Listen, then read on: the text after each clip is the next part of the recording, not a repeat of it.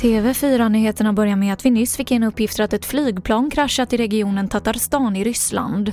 Minst 20 personer har omkommit och tre skadats. Det är i nuläget oklart vad som orsakat kraschen, uppger nyhetsbyrån Reuters och hänvisar till Interfax. Så till skånska Vellinge där det ska ha exploderat i ett radhus i natt.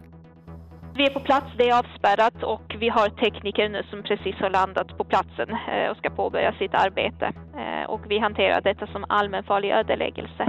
I nuläget är det oklart vad det är som har eh, detonerat men de skador som jag har fått inrapporterade är flera krossade rutor.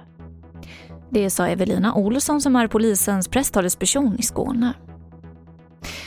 Varför är en del älgar vita? Ja, det här vill forskare på Sveriges lantbruksuniversitet, SLU, i Uppsala nu ta reda på.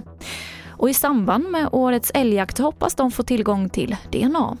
Om ett jaktlag fäller en vit älg hoppas forskarna få en liten muskelbit att undersöka för att hitta den genetiska bakgrunden till den vita färgen. Och uppskattningsvis så finns mellan 50 och 100 vita älgar i Sverige idag. Fler nyheter hittar du i vår app TV4 Nyheterna. I studion Emily Olsson.